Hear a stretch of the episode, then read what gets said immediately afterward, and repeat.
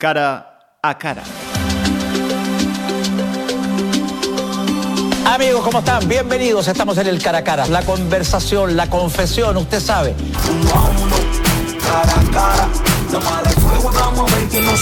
Ok, te explico. Saúdos, estamos en datas de defuntos e todos os santos, así que imos eh, falar neste cara a cara cun antrop antropólogo, comezo ben eu, que, que ben nos pode ilustrar de tradicións eh, vencelladas a, a estas datas.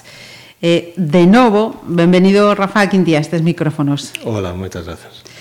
Eh, A última vez foi como pai, en calidade de pai. Sí, falamos do, do día do pai, bueno, hoxe falamos de, de defuntos. De defuntos. Eh, vai ser un programa eh, para crentes, para non crentes eh, e para escépticos, para todo, para todo un pouco. E eh, para comenzar, a pé de 2017, do século eh, 21, o presente mudou radicalmente esa, esa tradición, esa cultura eh, galega co mundo do, dos mortos ou e coa morte mesma? A ver, radicalmente non, pero sí mudou moitos dos aspectos de como o, o, os galegos eh, interactuábamos coa morte, como tiñamos integrado o fenómeno da morte eh, e dos defuntos na, na nosa cultura, non? Eso realmente sí que, sí que mudou non? nas últimas décadas co cambio eh, social non? e, e cos cambios sufridos e con esta globalización pois si, si variou moito eh, podíamos decir que hoxe basicamente vivimos de, de costas a morte, non? E eso ten graves graves problemas. Uh -huh. Estas datas que, que temos aquí antes, que, que conmemora a data de difuntos e a data de todos os santos? A ver, realmente eh, todas as culturas eh, teñen non? Eh, datas donde conmemoran non? ou donde lembran ao, os seus defuntos. Non? É unha forma de, de, de reforzar a identidade do grupo, de manterse ligados aos devanceiros, que moitas veces incluso en determinadas culturas, en determinadas cosmovisións, eses devanceiros deron a orixe, non? A, a, toda, a todo ese povo, a toda esa cultura. Entón, é, é habitual ao longo da, da historia e ao longo de, da xeografía de, deste mundo que, que habitamos, no que nos parecemos moito todos, que haxa celebracións dos defuntos. Obviamente, eh, no noso contexto occidental esas antiguas celebracións que xa había, non, os defuntos, e xa, incluso xa non falo dos romanos, non, senón uh -huh. os povos que, que habitaban Europa tamén antes do, do dominio do, do Imperio Romano, xa celebraban datas eh, na que conmemoraban os difuntos. Co cristianismo, coa nova fe, con ese novo esquema ideolóxico, pois eh, implantase unha nova forma de, de ver as cousas, pero tamén eh, hai unha necesidade de apropiarse do, dos, dos ritos anteriores, de integralos, non? para facilitar a asimilación desa nova religión, e o que acaba o cristianismo é eh, cristianizando esas antiguas uh -huh. festas non? nestas dúas datas a data de todos os santos non? o santo é, é un elemento primordial da, da religión católica serviu para cristianizar deidades e para asimilar moitas destas, destas crenzas antiguas E, e o Día dos Defuntos, pois tamén, non? Os cristianos tamén conmemoran a, a morte dos seus, eh, dos seus familiares e dos seus santos defuntos e dos seus santos tamén. Uh -huh. Falamos de, de, de tradicións, por exemplo, eh, mirando un dos eh, teus eh, traballos, un dos teus eh, artigos, falabas do, do pan das ánimas, das espigas a, das ánimas, non sei se, si, se si estas tradicións aínda se, se manteñen ou, ou xa son... Sí, moitas sí, non? Eh, eh, determinados ritos que, que eran típicos destas datas, non? E que servían precisamente para eh, para axudar a esas ánimas non? Que, que nas nosas crenzas pois, están no purgatorio e necesitan a axuda dos vivos pois, para cadar a gloria eterna dentro da, da xente que, que teña a fe non? Eh, eh, aparte unha forma tamén de devolverlle as ánimas os favores que las nos fan non? porque a relación coas ánimas na nosa cultura é unha relación, unha relación de simbiose a xente teñe moita fe ás ánimas non?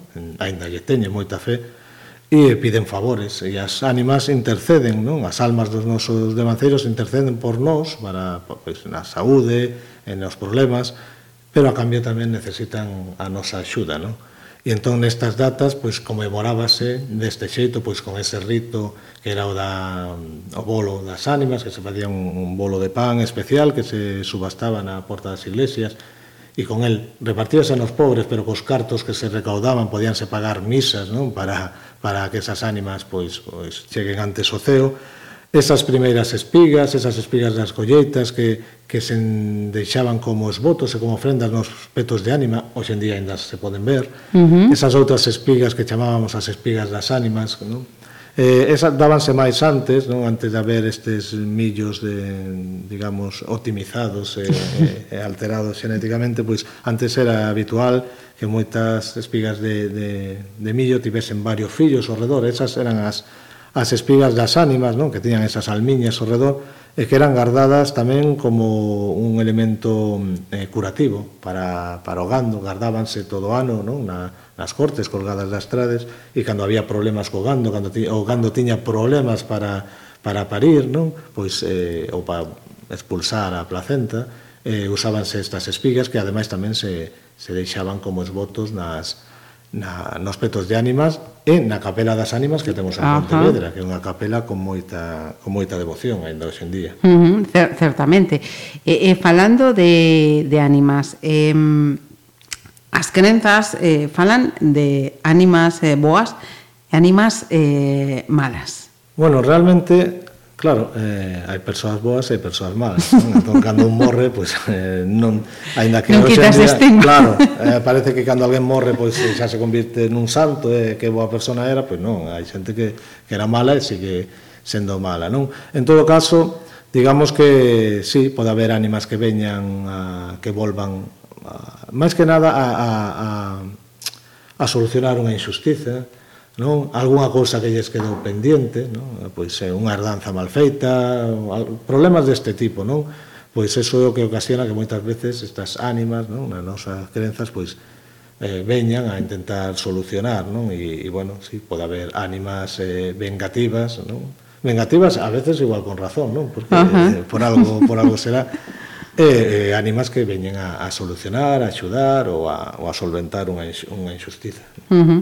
e, e falas de, de facer eh, ese ben ou ese mal eh, transmutando, non sei se é eh, o verbo eh, correcto, en, en abellas, en, en luciérnagas, en... A ver, eh, o tema é que eh, igual que eh, existe non na nosa cultura esa crenza de que as ánimas, non? unha persona unha vez que morre, pois realmente aínda mantén un vínculo coa súa familia e, e pode manter un vínculo con este plano terrenal, non? Aínda que este no alén, xa depende de que, en que categoría do alén, se si no purgatorio ou no ceo, non? Uh -huh. Pero as ánimas si sí, poden eh, volver a este mundo, non? sobre todo en determinadas datas, datas do calendario que consideramos datas liminais, non? datas fronteira onde é posible este tipo de tránsito, como é na, na noite de defuntos, non? entre outras.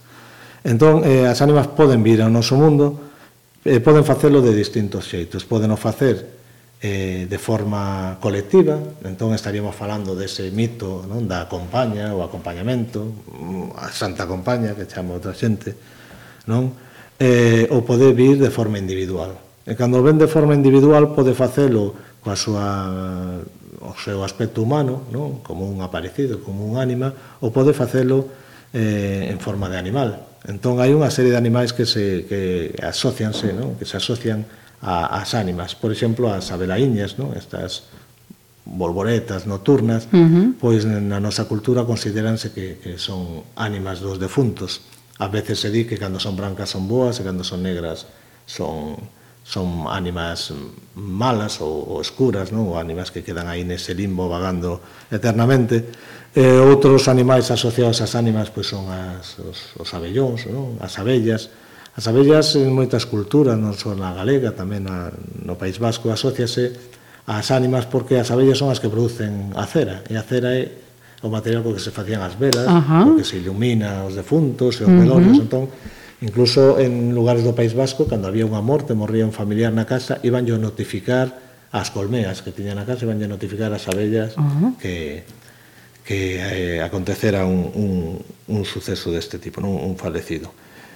E tamén as ánimas poden aparecerse dun xeito non, digamos, eh, físico mm, como animal ou como o antropomorfo, senón eh, como sensacións, como ruidos, non? Eh, e a veces eso tamén se relaciona cos pesaxos de morte, que é outro, outro tema importante da nosa cultura, non esa creenza de que a morte sempre avisa antes de, antes uh -huh. de chegar. E, e aí quero eh, enlazar co, co comezo desta, desta entrevista porque eh, decías que eh, actualmente esa, esa relación coa morte eh, xa non, non é como antes, non? É moi diferente, estamos eh, de, de, de costas. Eh, precisamente, falar agora a, agora a, a un rapaz ou a xente nova, pois, pues, eh, desos sons que, que se escoitaban no tellado e que se interpretaban de, de esa maneira o que eh, cando pasaba, creo, eh, un, un funeral, se si había alguén enfermo, había que levantalo, tapar os espellos, eh, soa casi a, a, a lenda máis que, que, que, que a experiencia ou a tradición que hai unos anos pues, podería haber. Claro, eh, a ver, eh, antes esas crenzas, en moitos sitios de Galicia ainda tamén, estaban vivas, non? Hoxe temos outras, non son nin mellores, nin peores, nin, nin son supersticiosas, nin superstición, non? Superstición normalmente eh, son as crenzas dos demais cando se di desde un punto de vista da, da bueno, pois eh, os que confesan unha religión pensan que o que creen os outros son supersticións, non? Eh, entón, falarlle a un neno destas cousas e falarlle da súa cultura e da súa cosmovisión e de como este povo viu o mundo durante moito tempo e como sigue vendo, non? E a veces uh -huh. eso é bo para saber de onde vimos e poder saber onde vamos, porque hoxe en día eh, igual hai xente que pensa que, ah, no, que lle vas contar aos nenos, decir, falarlle da morte, eso non, pero despois disfrazanos de zombies, despois ven películas de zombies, ven películas La Matanza de Texas, eh, Freddy Krueger, entón somos un pouco estúpidos, non? Uh -huh. eh, falando claro É dicir, os nenos están perfectamente capacitados, eh, non para entender o que é o concepto da morte e todo, pero sí para recibir determinadas eh, instruccións de, de bueno, culturizalos, eso, eh, eh no? involucralo na súa cultura. Entón non ten nada, nada de malo. Despois, independ, ademais, independientemente de que ti coñezas eso, que non quere decir que ti teñas que creer ou non. Uh -huh a, a todas os individuos dunha cultura non, non practican a cultura dun, for, dun xeito eh, homoxéneo, mm. non? Hai xente que cree nunhas cousas, hai xente que cree noutros, pero bueno, a cultura é ese, ese molde mental, non? Compartido por unha colectividade, esa forma máis ou menos parella de, de ver o mundo. E aí entra esa relación da, da morte, non? Esa idea de que a morte avisa, de que hai determinados sinais que se interpretaban como presaxo morte, esos ruidos no tellado, eh, ese cheiro a cera en determinado momento, ou a incienso. Bueno, son cuestións que forman parte da, da nosa tradición e que eh, non, non é nada malo sabelo, senón todo o contrario. Eso non quer decir que ti teñas que... Que creen en eso. ¿no? Uh -huh. A día de hoxe, cales son eh, esas eh, creencias, falabas de supersticións, eh, tamén eh, que aínda perviven? Sí, eu decía que o termo superstición é un termo peyorativo, ¿no? son uh -huh. crenzas, ¿no? son crenzas tan, tan válidas e tan respetables como calquera outra crenza. Pois siguen perdurando esas ideas de que hai determinados sinais que son avisos de morte, eso, bueno, calquera que fale con moitas personas, xa non son no ámbito eh, rural, sino personas de determinada edade que sí foron educadas ne, uh -huh. nesta cultura, non? chamémola entre comiñas, eh, tradicional, Pois, por exemplo, escoitar golpes na porta da casa non?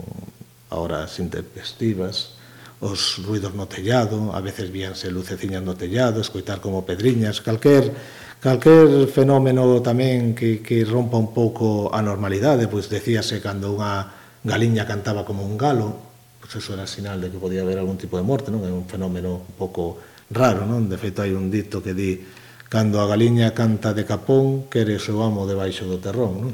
Uh -huh. Cando un can oveaba como un lobo. Despois hai determinados animais que... To, todo isto eh, ten unha explicación, unha explicación simbólica, non? A cultura é basicamente inmaterial. Entón, por exemplo, que se asocien animais nocturnos e animais carroñeiros coa morte é unha cuestión lógica fruto da, da observación. Entón, pois o canto de, das pegas na ventana, non? Na, na fiestra, cando vías varias pegas aí ao redor dunha casa, ou corvos, podía ser un sinal de malagoiro, eh, determinados animais, aves nocturnas, como os mouchos, tamén eh, bueno, se asocian a isto, eh, cando as campás choran, verdade?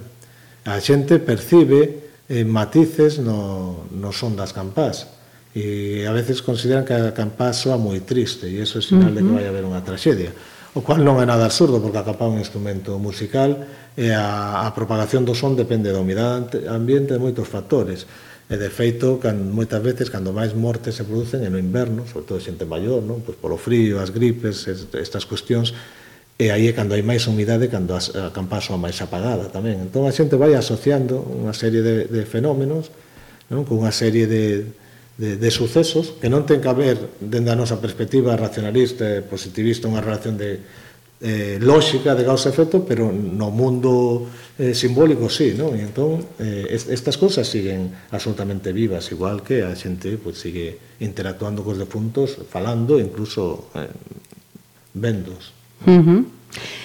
Eh, unha tradición que se que está eh, moi presente, non sei se desvirtuada do que, do que era eh, originalmente ou mm, en, este, en este contexto que estamos a falar, eh, son os magostos. Eu non sabía que, que tiñan vinculación tamén con, co, co, cos difuntos. Claro, a ver, eh, defuntos, non? É eh, agora o primeiro de, de novembro, Os magostos normalmente acontecen, empezan a facerse a partir de San Martiño, estamos no tempo da, que comeza o ciclo da invernía. Non? E hai unha serie de festas que marcan esa chegada da invernía, principalmente de funtos, despois virá o Nadal, unha serie de festas ígneas como San Sebastián, a Candeloria, e, o ciclo da invernía remata co, co entroido que é o que marca o renacer da, da natureza e, e xa non e, e o rexurdir de, do sol, non, de, do solsticio de inverno. Entón, esta, eh, o Magosto está dentro destas primeiras festas do ciclo invernía, onde é o tempo das castañas, aínda que, bueno, con este cambio que estamos climático, as castañas xa caeron, polo menos aquí en Pontevedra, a última semana de agosto xa había, xa había castañas, e, e a castaña tamén ten un carácter simbólico, non? relacionado incluso cos defuntos, moitos lugares que se facían magostos, non? So de Galicia, norte de Portugal, eh, Asturias, eh, bueno, estas eh, zonas culturalmente afins, porque a cultura non entende de fronteiras. Uh -huh. Ese é un dos grandes problemas cando se crean estados, que as culturas desbordan as fronteiras administrativas, non? que son sempre artificiais. E a xente a veces deixaba esas castañas, ou as últimas castañas que daban para os defuntos como ofrendas, eh, ou decían que estaban babadas. Hai unha relación non no, simbólica do froito da castaña, non? Co, tamén co, co mundo dos defuntos. Uh -huh.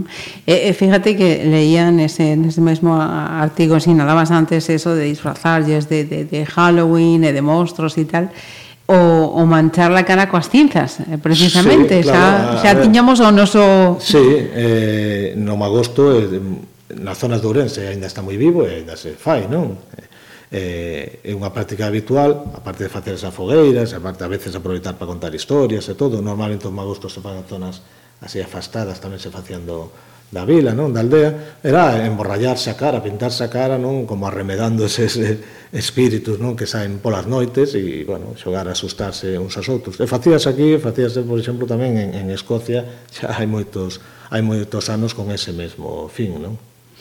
Tamén, eh, falando da, da morte, eu non sei se si, si Galicia é unha das, eh, das zoas eh, de España, de Europa, eh, con máis eh, vencellamento e tradición precisamente cos, cos, cos defuntos.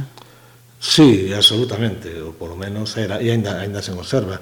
Algo que chama a atención a xente que non é galega, por exemplo, é, é a proximidade dos cemiterios, dos campos santos aos núcleos de casas, non?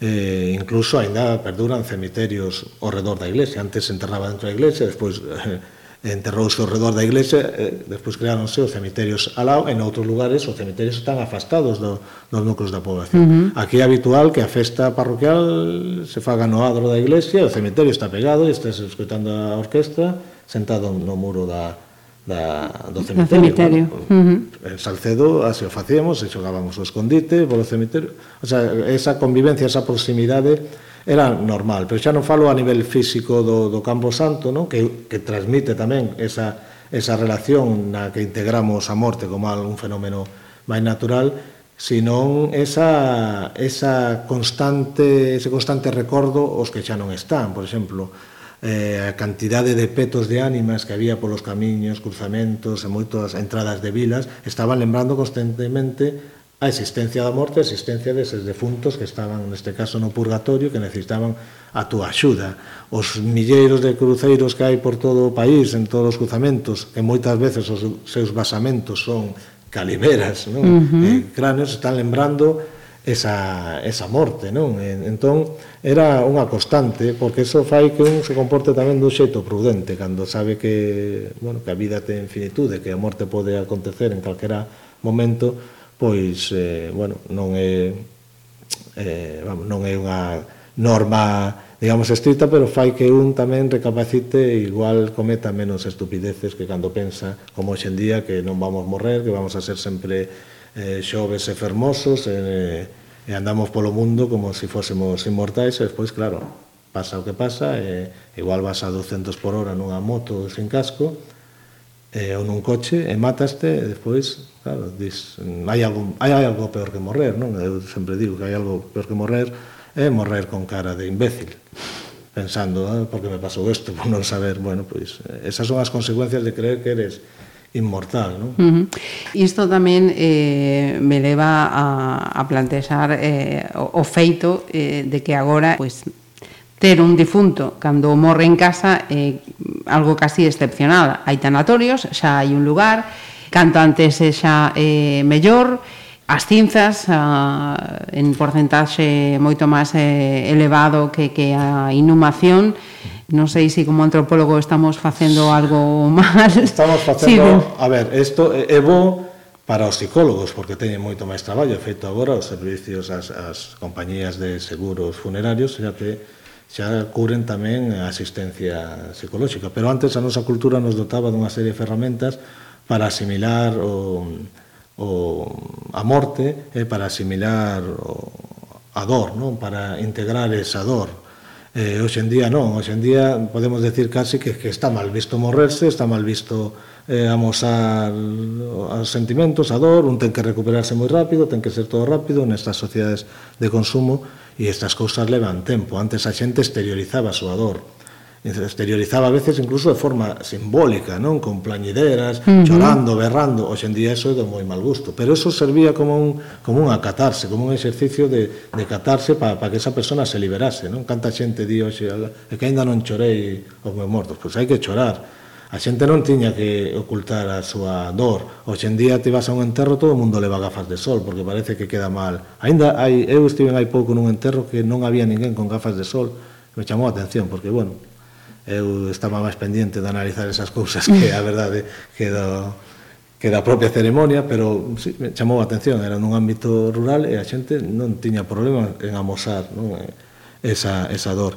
Eh, a xente acompañaba o difunto, e incluso o loito, non? que está tamén mal visto, pero é unha forma de amosar publicamente pois, eh, ese, ese estado non? e ir pouco a pouco dixerindo esa morte E hoxe en día todo, todo é tan rápido que a xente, obviamente, non, moitas veces non estás capacitada nin preparada psicolóxicamente para, para asumir, non? E antes a xente, obviamente, sabía que isto podía acontecer, había máis mortalidade infantil, máis...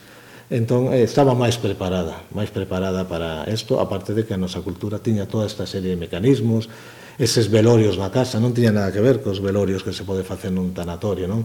Nese momento a casa, que era o Santa Santorum da familia, abríase, chegaban os veciños, acompañaban a familia, estaban toda a noite, comíase, bebíase, incluso eh, facíanse xogos para ter a familia distraída durante un momento e, bueno, e axudarlle nese, nese momento doloroso eh, bromas que hoxe en día nos parecerían incluso irreverentes, pero uh -huh. que tiñan esa, esa, esa función, non? E, esa causa de ser e realmente se se fixo así durante 100 600 anos é porque realmente funcionaba. Mm. O mesmo cando tes que plantexar eh, esa circunstancia a un neno, tamén hoxe hai que ocultarlo, hai que adornarlo, mm, evitar tratar de decir eh, as cousas como, como son. Sí, sí, a ver, os nenos non son tontos, non? De feito, eh, son bastante listos, o que pasa que a medida que van medrando coa educación vais facendo máis tontos como a nós, non? Eh, pero eu lembro unha vez que, que teñamos un gato e me morreu, eu dixen a miña, preguntou a miña filla que pasara e a mí se me ocurriu decir unha tontería, non? E dicir, bueno, está no ceo, por quitarme a cosa en medio. Ese me... Tiña tres anos a miña filla, quedou mirando para mí e me di, papá, os gatos non voan. O sea, que non son tontos, non?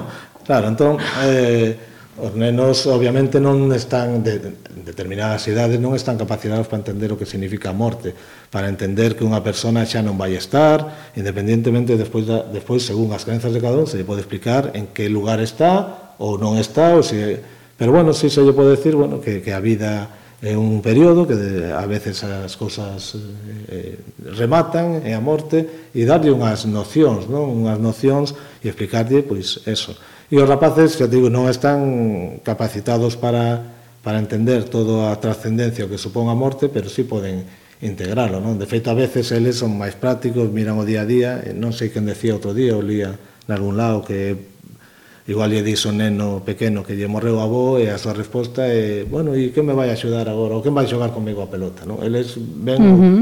a inmediatez, pero non, non ten nada, nada de malo, non? É que eh, falarlles, adaptalo, non? adaptalo a súa, a súa idade, e non facerlles ver que non, que non vas morrer, que a morte non existe e que todo é unha película de Bambi, non? Porque esa, eh, esas versión así de Disney da vida, uh -huh. pois pues, ten graves consecuencias. Eh, moito entretemento trae Disney, pero tamén fixo moito mal nesta sociedade, sí, penso sí. eu. Sí.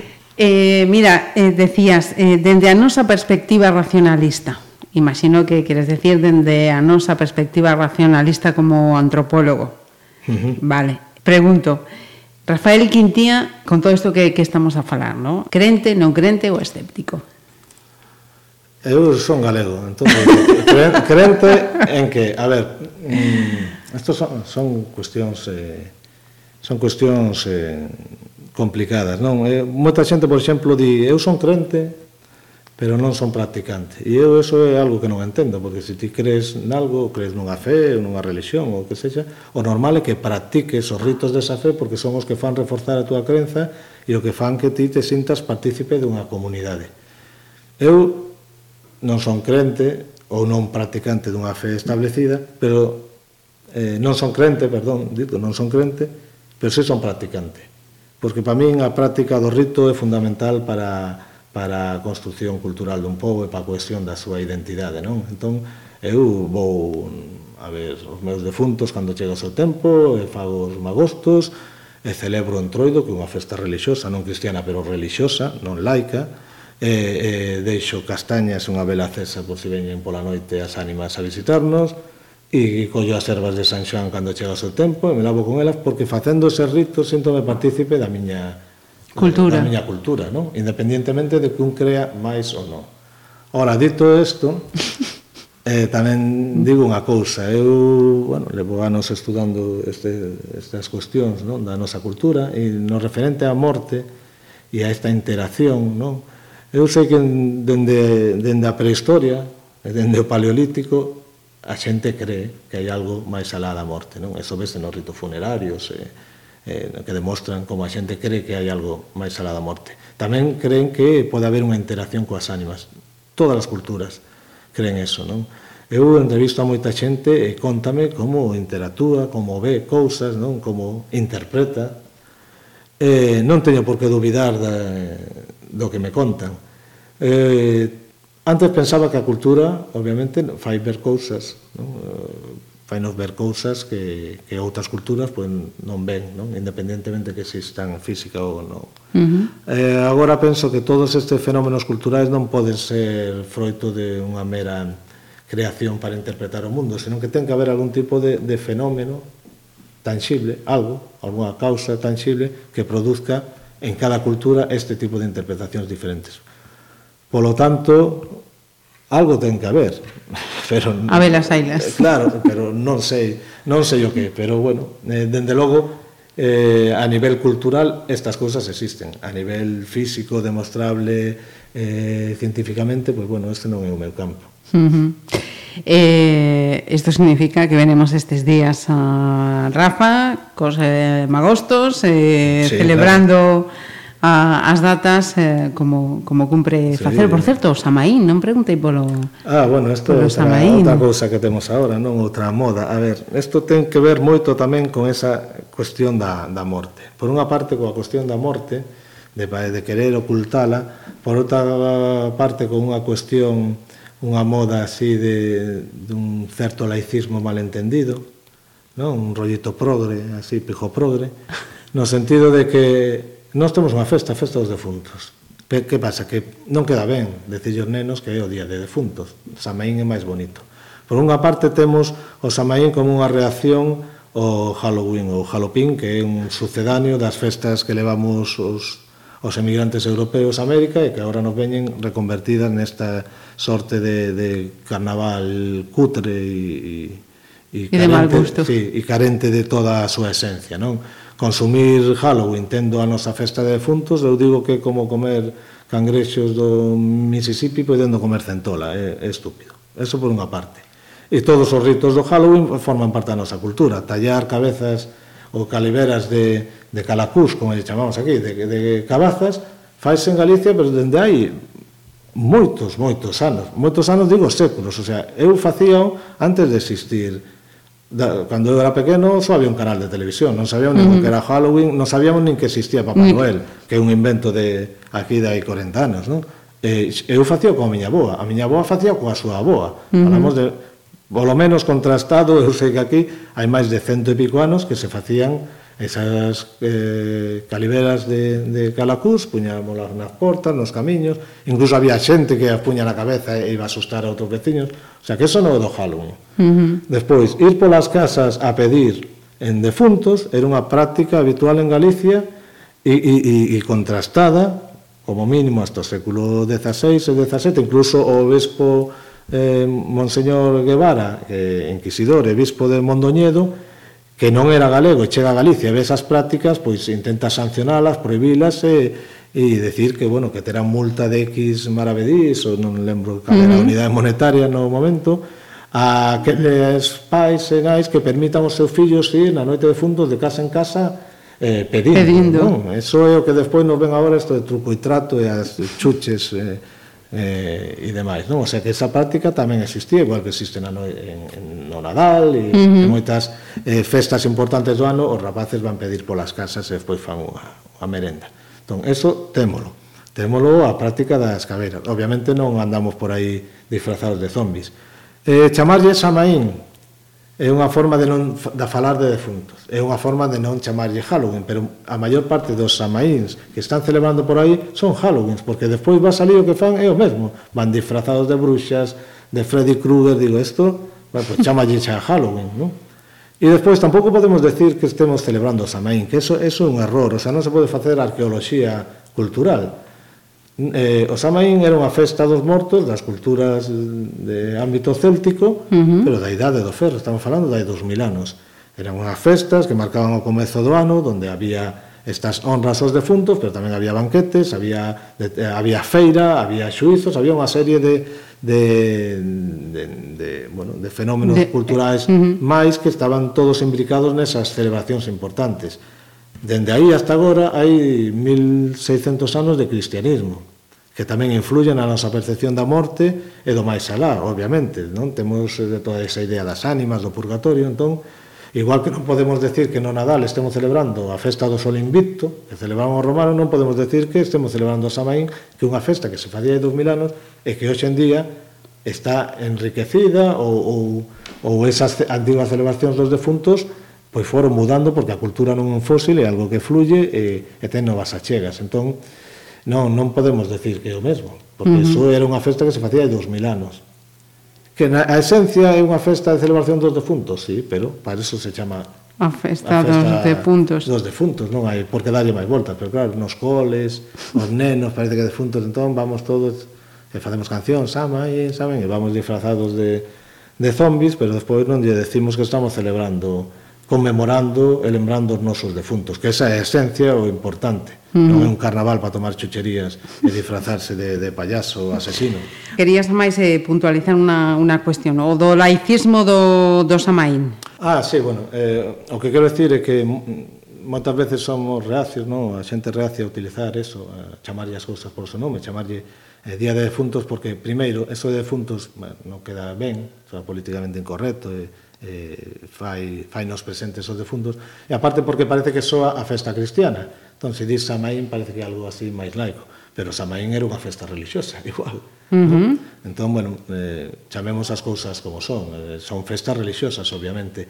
Igual que, como comentaba un bo amigo meu, Miguel, Losada, sempre lle chamaba a atención que cando celebraban o Nadal, os seus fillos non, non iban á religión, pois lle, eh, mandaban unha nota ao colexio dicindo se lles importaba que participaran nas actividades do colexio, pois o Belén, el, obviamente, sen ningún problema. Uh -huh. Decía, pero me chama a atención que cando celebran o carnaval, no? o entroido, o noso santo entroido, sagrado entroido galego, non lle mandan unha nota os nenos cristianos dicindo se lle importa que que participen deste rito que tamén é relixioso, pero uh -huh. non é cristiano. Pois eh Rafa, imos terminar eh, con, bueno. con con con boas vibracións. Sí, sí, bueno. Agradecer. pero sempre está, efectivamente, eh, por eso quería que que estiveras eh ose con, con nos para chamar as cosas por seu nome para saber de onde ven e que cada, cada cosa sen mesturar eh, e atraer cousas que, que non son necesarias porque xa as temos. Sí, as temos eu, creo, aquí. eu creo que sí, está moi ben a mestura, non? A, a intercambio cultural, todo eso, pero bueno, aquí temos as nosas cousas e por que non polas en valor e decir as cousas e chamarlle como son. Pois esta moda políticamente correcta é unha forma de censura, aparte de ser unha forma de aculturación. E eu, uh -huh. os procesos de aculturación fascinan Non os levas ben. No. Pois, eh, Rafa, como sempre, moi ilustrativa a túas explicacións e grazas Nada, por, por esta invitación. E a lembraros de fondo. Nos volvemos a ver. Esta noche tenemos cara a cara.